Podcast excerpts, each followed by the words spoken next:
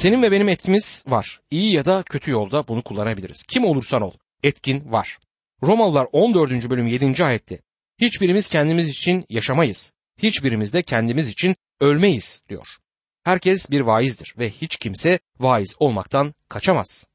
Kilisenin bir sokak altında annesiyle aynı yerde oturan ve alkolik olan bir adama aynı bildiride bulundum. Annesinin oğlu yüzünden boynu büküktü. Bana oğluyla Mesih İsa'ya ilişkin konuşmamı rica etti. Bir gün kutsal kitap çalışması sırasında onu yanıma aldım. İçmişti ama tam sarhoş henüz değildi. Yüreği yaralı annesi hakkında konuştum ve ona yaşamın nedenli anlamsız ve hiçlik içinde olduğunu anlattım. Hiç tepki göstermedi, oturdu ve yalnızca dinledi. Sonra ona sordum. Bir vaiz olduğunu biliyor musun? Bunun üzerine ayağa kalktı ve yumruğunu savurdu. Öyle tahmin ediyorum bana vurmaya çalıştı. Bana vaiz diyemezsin. Ona her adı yakıştırmama ses çıkartmadı ama vaiz adına tepki gösteriyordu. Sevgili dinleyicim, her birimiz birer vaiziz. Etrafında olan kişilere yaşadığın yaşamı vaaz etmektesin. Kişisel olarak inanıyorum ki, sevapların peşinden giden, Tanrı'dan ayrı yaşadığı moral dünyasında kendini şişiren adam, gerçekte büyük bir kaybın içerisindedir. Gerçekte yolun ortasında durmaktadır ve Tanrı yolunu kesmiştir. Çünkü onun mesajı benim gibi yaşa. Tanrısız yaşıyorum. Sadece iyilik işliyorum.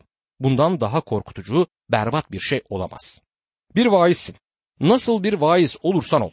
Belki çok küçük bir çevren olabilir ama birilerine etkin vardır. Bu bana mısır sepetine bir şişe viski saklayan babayı anımsatır. Her sabah kalktığında o sepete gitmek ve viskisinden içmeye adet edinmişti. Alışmış olduğu üzere yine karlı bir sabah ambarın yolunu tuttu. Ama ardından bir ses duydu bu kez. Arkasına döndüğünde onu izlemiş olan küçük oğlunu gördü. Babasının kardaki ayak izlerine basa basa gelmişti. Burada ne arıyorsun oğlum diye sordu baba. Oğul ayak izlerini izliyorum baba diye yanıtladı. Oğlunu eve gönderdi ve viski şişesini kafasına dikti. O anda oğlunun onun izinden gitmesini istemediğini fark etti. Evinizde birileri sizin ayak izlerinizi takip etmektedir dostum. Onu, bu sizin ayak izlerinizi takip eden kişiyi nereye götürüyorsunuz? Çok geniş bir insan kitlesine etkide bulunuyor olabilirsiniz. İş dünyasında etkinliğiniz olabilir. Komşularınıza veya içinde yaşadığınız çevreye etkide bulunuyor olabilirsiniz. Kilisede etkili olabilirsiniz. Birileri sizi izler ve Tanrı ile olan ilişkinin sağlığını gözlemektedir. Senin için kiliseye gitmek köşedeki büfeden ekmek arası döner almaktan farklı bir anlam taşımalıdır. Yaşamın sana kazanılması gereken bir cennet ve kaçınılması gereken bir cehennem olduğunu bildiriyor. Çevrende etkin var dostum bunu unutma. Petrus'un kutsal ruhun inanlara verildiği gün o büyük kalabalığa verdiği vaazı anımsayın. Andreas sadece bir kenarda oturup bu benim kardeşim. Onu Mesih'e ben yönelttim diyebilirdi. Bu onun etkisidir. Sen bugün insanlara cenneti ya da cehennemi işaret etmektesin. Eğer cehenneme gitmek istersen bu senin bileceğin iştir ama o küçüğü de beraberinde götürmeye hiç hakkın yok. Aile üyelerini ve çevrendekileri oraya sürüklemeye hakkın yok. Sen gitmek istesen bile başkalarını beraber sürüklemek korkunçtur. Etki işte budur. Bir deli çıkar her şeyi berbat eder. Bu konuya ilişkin seni izleyen insanlara ilişkin ve o insanlara nereyi işaret ettiğine ilişkin dostum düşünmelisin. Vaiz 10. bölümde yaşamdaki adaletsizliklerin kişiyi orta yolu izlemeye ittiğini görmekteyiz. Vaiz 10. bölüm 1. ayette ölü sinekler atların ıtırını kokutur. Biraz aptallık da bilgeliği ve saygınlığı bastırır diyor. Yaşam gerçek resimleriyle, örnekleriyle doludur. Yalnızca bir kezliğine de olsa gece yaşamı yaşam boyu sürecek bir hastalıkla hatta ölümle sonuçlanabilir. Vaizini yaptığım kilisede bulunan bir kişi bana şunları anlattı. Hristiyan bir ailede büyüdüm ve evden hiç uzaklaşmadım. Fakat sonunda evden ayrıldım. İş buldum ve bir gece arkadaşlarla birlikte bir kulübe gittik. O gece böylesi yaşamda ilk gecemdi ve bu gece birçok hastalık kaptım. Evliliğimi erteledim ve çok sevdiğim güzel nişanlımdan da ayrılmalıydım. Süleyman ölü sinekler atların ıtırını kokutur derken buna işaret etmekteydi. Bu çok acıklı bir durumdur. Bir anne oğluna 21 sene bilgi olmayı öğretmekle geçirmiştir ve bu oğlun karşısına bir gece bir kız çıkar ve bu oğlu 5 dakika içinde aptala döndürür. Ne kadar enteresan bir resim. Bir küçük ahmak, birazcık ahmaklık, hepsi bu kadar. Bu yaşamı harabeye dönüştüren ve başkalarının yaşamını berbat eden şey olabilir. Vaiz 10. bölüm 2. ayetti. Bilgenin yüreği hep doğruya eğimlidir.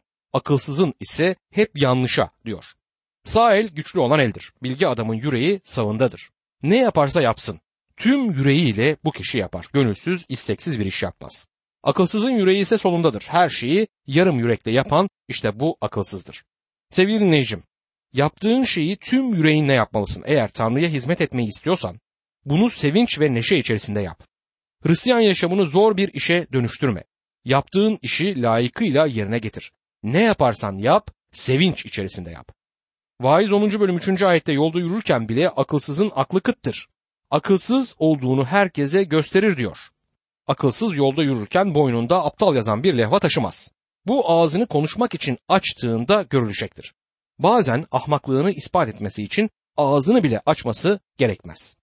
Bazen insanlar çeşitli sorunlar üzerinde tartışmak üzere açık oturumlar düzenlemektedirler. Böyle toplantılardan birine katıldım. Bir komşum kalktı çok önemli bir konuda bir düşünceyi ortaya atmak istedi. Bu adamın bu kadar akıllı olduğunu bilmiyordum diye düşündüm. Sonra adam konuşmak için ağzını açtı. Yanımda oturan arkadaşıma dönüp kaşlarımı kaldırdım. Kutsal kitap bu tür insana akılsız diyor ve akılsız herkese kim olduğunu gösterir. Vaiz 10. bölüm 4. ayette yöneticinin öfkesi sana karşı alevlenirse yerinden ayrılma. Çünkü serin kanlılık büyük yanlışları bastırır diyor. Güneş altındaki adam yumuşak huyluluk yarışında yarışmaktadır. Bir başka deyimle eğer şehrin meydanlarında onlarla güreşmek için gücün yoksa onlara katıl diyor. Vaiz 10. bölüm 5 ve 6. ayetlerde güneşin altında gördüğüm bir haksızlık var. Yöneticiden kaynaklanan bir yanlışı andırıyor. Zenginler düşük makamlarda otururken aptallar yüksek makamlara atanıyor diyor. Bu çağımızda ve günümüzde olan olaylardan günaha bir göndermedir. Bir zamanlar günah arka sokaklarda yapılmaktaydı. Kirli ve çirkin olarak nitelendirilirdi. Ve aşağılık insanlara özgü görülürdü. Ama günümüzde günah ana caddeye taşınmıştır. Günah büyük bir değer kazandı ve çok önemli bir mevkisi var. Televizyon ekranlarında çok önemli bir yeri var. Gece kulüplerinde milletin önünde anadan doğma soyunan, dans eden kızlarla röportajlar yapılmaktadır. Benim gençlik dönemlerimde Tanrı'dan uzak yaşadığım dönemlerde takıldığım arkadaşlarımla hafta sonları böyle yerlere giderdik. Bunlar kirli ve çirkin yerlerdir. Bugün bunu yapanlar sanatçı olarak adlandırılmaktadır. Bugün bu türden ahlaksızca, çirkin günahları işleyenler değer kazanmışlardır. Zenginler düşük makamlarda otururken aptallar yüksek konumlara atanmıştır. Hiç normal bir Mesih inanlısı vatandaşla röportaj yapıldığını işittiniz mi? Bu insanlar içinde yaşadıkları toplumu toplum yapan insanlardır. Bunlarla röportaj yapılmaz. Hayır. Onlar arka plana itilmektedirler. Onları asla duymazsınız. Tüm dikkat günahkarlara ve uç noktada yaşayanlara çevrilmiş durumdadır. Vaiz 10. bölüm 7. ayette köleleri at sırtında, önderleri yerde köleler gibi yürürken gördüm diyor. Sıkı çalışmanın, para biriktirmenin ve geç saatlere dek uğraşmanın anlamı her zaman başarı demek değildir. Kapı komşun olan akılsız biri milyarlarca büyüklüğünde bir mirasa konabilir. Önder ya da prens yaya yürürken köle ata biner. Birçok değerli Mesih inanlısı tanıyorum ki çeşitli ülkelerde, çeşitli kentlerde harika insanlardır. Alçak gönüllüler. Birçoğu sıradan evlerde yaşar. Bazılarının maddi durumları fena değil ama dikkate alınan kişiler değiller. Onlar günümüzün köle gibi yaya yürüyen önderleridir.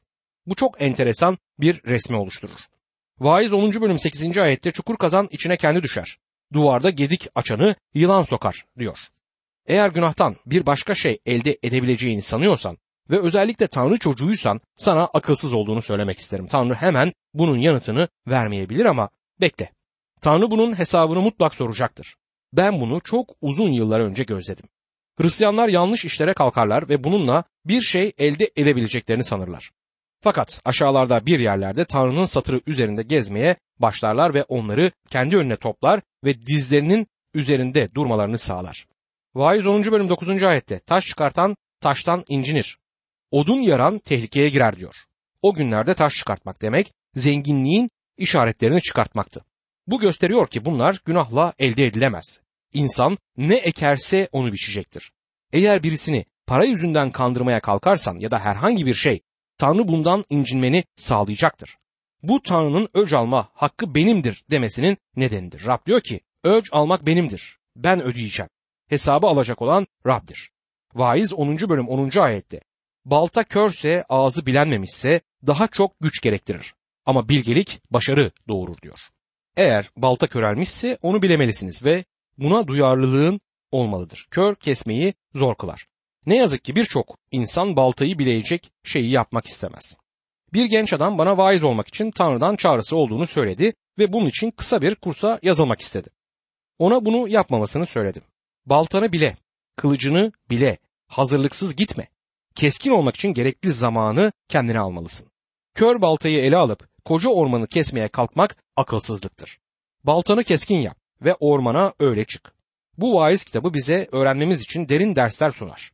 Olağan dışı nadir bir kitaptır bu anlamda. Vaiz 10. bölüm 11. ayette yılan büyü yapılmadan önce sokarsa büyücünün yararı olmaz diyor. Bu ayeti doğu insanı olarak çok iyi anlıyoruz. 58. mezmur 4. ayette ve 5. ayetleri bu çağrıştırır. Onların zehiri yılan zehiri gibidir. Kulağını tıkayan sağır engerek gibidirler. O engerek ki hünerle sihir yapan sihirbazların, efsuncuların sesini işitmez diyor. Aynı düşünceye Yeremya'da da rastlarız. Vaiz 10. bölüm 20. ayette içinden bile krala sövme. Yatak odanda zengine lanet etme. Çünkü gökte uçan kuşlar haber taşır. Kanatlı varlıklar söylediğini aktarır diyor. Engerek çok tehlikeli bir yılandır. Sanırım birçoğumuz resimlerden ya da ekranlardan Hint fakirlerini kavallarıyla çaldıkları ahenkli müziklerde kobrayı oynattığını gördünüz. Kobra sanki dans eder. Buna kobra dansı diye ad verilmiştir. Kavaldaki müzik çalmaya devam ettiği müddetçe kobra saldırmaz. Sizi bilmiyorum ama ben bu kavala sahip olsam ve kobra beni izlese sözü çok etkili birisi olurdum. Çalabildiğimce çok üflerdim kavalı. Ama bir zaman gelecek ki kobra ya da engerek beni dinlemeyecek ve sonunda saldıracaktır. Saldırdığında ise bunun anlamı ölüm demektir. Tanrı sözünde adı geçen bu yılanlar muhtemelen gerçek yılanları betimler. Sanıyorum kastedilen büyücüler seni kandıran, ele veren bir Yahuda İskaryot'tur. Ve tüm bunların dışında Deccal'in büyük sıkıntı döneminde İsrail'e karşı alacağı kişiliktir. Hatta kiliseye gelenler arasında bile bunların doğru olmadığını söyleyenlere rastlayabilirsiniz. Yılan büyü yapılmadan önce sokarsa büyücünün yararı olmaz. Dostun gibi görünebilir ama yılana ne kadar dost olsan da seni ısıracaktır. Bu kendisine karşı ayaklanan dostu Ahithopel karşısında Davut'un düştüğü sıkıntıyı dile getirir.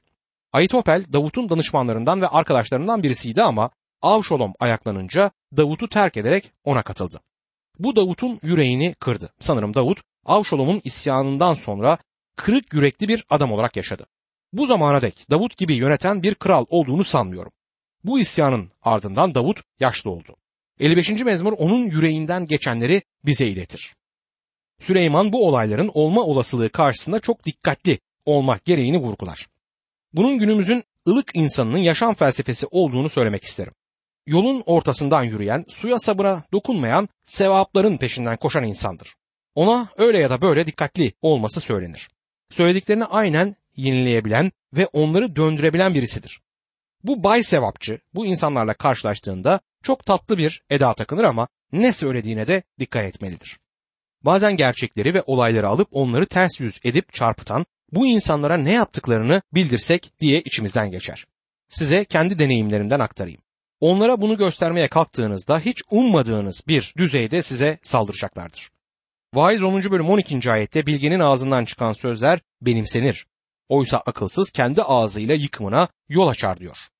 Akılsız kendi ağzıyla yıkımına yol açar ve aynı zamanda etrafında olanların da yıkımına yol açacaktır.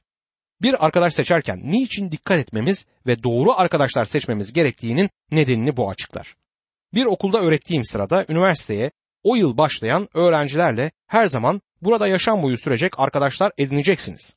Belki de eşinizi tanıyacaksınız. Ki bazıları bunu yaptı. O halde kimi arkadaş olarak seçtiğinize dikkat edin diye öğütler verilir. Tanıdıklarıma da bu öğütlerde bulunuyorum. Süleyman tüm insanlara aynı öğüdü verir. Seçeceğin arkadaşlara dikkat et. Bazı insanlar var ki seni yıkmaya çalışacaktır. Yılanlara, engeleklere benzeyen bazı kişiler var. Eğer onlara karşı iyi davranırsanız onları sakin tutabilirsiniz ve işler bir süre iyi gider. Ama yanlarında nasıl hareket ettiğine dikkat edin. Bu iyi bir öğüttür sevgili dinleyicim. Gördüğünüz gibi bu orta yolcu bir tavırdır. Vaiz 10. bölüm 13 ve 14. ayetlerde sözünün başı aptallık, sonu zır deliliktir. Akılsız konuştukça konuşur. Kimse ne olacağını bilmez. Kim ona kendisinden sonra ne olacağını bildirebilir diye soruyor. Bu oldukça gerçekçidir. Bir toplantıda ortaya atılan bir konu yüzünden tartışma çıktığını belki siz de yaşadınız. Çünkü genellikle buna yatkın insanlar grup içinde bulunurlar. Konuşmayı çok seven biri genellikle tartışmanın doğmasına neden olur ve sıklıkla aptalca ve saçma sapan şeyler ileri sürer. Gruptakiler bu kişinin çenesini birinin kapaması zamanının geldiğini düşünmeye başlarlar. Ben bu nedenledir ki tartışmalara girmeyi seven birisi değilim. Sorulara cevap vermek için zaman ayırdığımda dinleyicilerden daima sorularını yazmalarını isterim. Bunu yapmazsanız çenesi düşük birisi ayağa kalkar ve ağzını açıp konuşmaya başlar. Doğacak sıkıntıyı artık siz hesap edin. Birisi bu kişileri beyinleri ağızlarını açtıklarında çalışan ve beyinleri ağızlarından çıkıp gidenler olarak betimler. Vaiz 10. bölüm 15. ayet. Akılsızın emeği kendisini öylesine yıpratır ki kente bile nasıl gideceğini bilemez diyor. Bugün biz buna akılsız kendisini yağmurdan korumayı akıl etmez diyebiliriz. Öyle ya atalar boşuna dememişler. Ahmak ıslatan yağmur diye bir terim var dilimizde. Vaiz 10. bölüm 16. ayette kralın bir çocuksa, önderlerin sabah şölen veriyorsa vay sana ey ülke diyor. Memleketi refah ve bolluğa götürecek yönetimi uygulamak yerine keyiflerine düşkün kişiler burada anlatılır. Vaiz 10. bölüm 17. ayette kralın soyluysa, önderlerin sarhoşluk için değil, güçlenmek için vaktinde yemek yiyorsa ne mutlu sana ey ülke diyor. Gelişmiş olsun, gelişmekte olsun ya da geri kalmış olsun ülkelerin genel sorunu uyuşturucu ve alkoldür. Bazı ülkelerde alkoliklerin sayısı milyonlara ulaşmıştır. Herhalde bu kişilerin sırtından kazanılan paralar bu belanın önlenmesi için bir şeyler yapma konusunda suskunluğu sağlamaktadır ama gerçekte alarm sirenlerini çalmalıyız. Politikacıların sıklıkla katıldığı bir araya gelip politik konuları konuştukları kokteyl toplantılarını biliyoruz. Önderlerin sarhoşluk için değil güçlenmek için vaktinde yemek yiyorsa ne mutlu sana ey ülke diyor kutsal kitap bize. Vaiz 10. bölüm 18. ayette ise tembellikten dam çöker, miskinlikten çatı akar diyor. Bu tembelliğe ve çalışmaktan haz duymayanlara bir suçlamadır. Korkarım bu yaşam felsefesi haline günümüzde gelir. Boş ver ya adam sen de hiç mi işin yok? Sen keyfine bak felsefesi herkesin ağzında. Bir başka anlatımla olanak ölçüsünde işten kaytar. Bakabildiğince keyfine bak. Vaiz 10. bölüm 19. ayette şölen eğlenmek için yapılır. Şarap yaşama sevinç katar, paraysa her ihtiyacı karşılar diyor. Birçok zengin, varlıklı, orta yolcu, liberal insan var.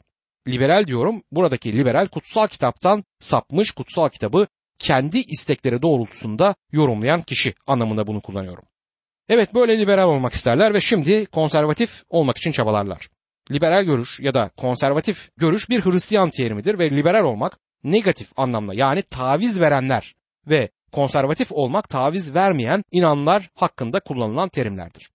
Vaiz 10. bölüm 20. ayette İçinden bile krala sövme, yatak odanda zengine lanet etme çünkü gökte uçan kuşlar haber taşır. Kanatlı varlıklar söylediğini aktarır diyor.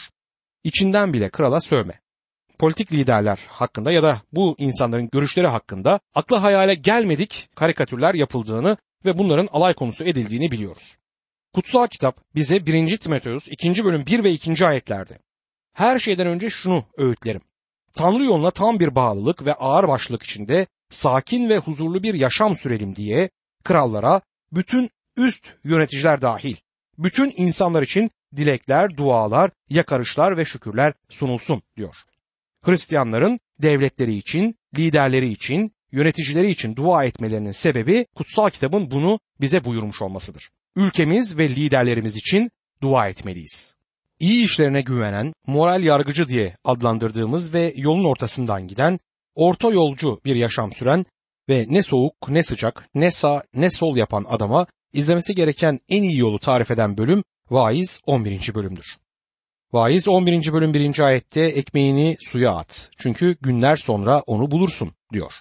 İyilik yapmaktan çekinme. Ödül geç elime geçer diye ekmeğini suya at demek büyük tehlikeleri göze alıp paranı ticarete yatırarak geçimini sağla ya da ihtiyacı olanlara ver demektir.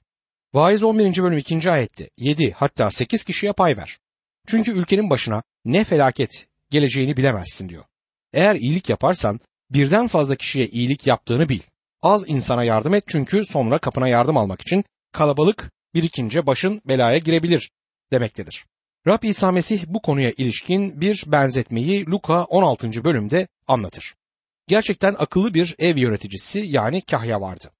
Efendisine borçları olanların borçlarını silerek kendisine dostlar edindi. Böylece işini kaybedince yardım için gideceği birçok kapısı vardı. Vaiz 11. bölüm 3. ayette bulutlar su yüklüyse yeryüzüne döker yağmurlarını. Ağaç ister güneye ister kuzeye devrilsin, devrildiği yerde kalır diyor. Eğer yağmur yağacaksa en iyisi yanına bir şemsiye almak. Büyük bir ağaç yere devrilince onu yerden kaldırmak zordur. Burada acaba ne demektedir? Durumu önceden anlayıp dinlemek bir tehlikeye atılmaktan çok daha iyidir. Çünkü sonra değişiklik yapmak zordur. Vaiz 11. bölüm 4. ayette rüzgarı gözeten ekmez, bulutlara bakan biçmez diyor. Bu ne yaptığını iyi bilmek gerekir demektir. Eğer birisi ekin ekmek istiyorsa rüzgarın dinmesini beklemesi gerek. Eğer birisi ekin biçmek istiyorsa yağmurun dinmesini beklemelidir.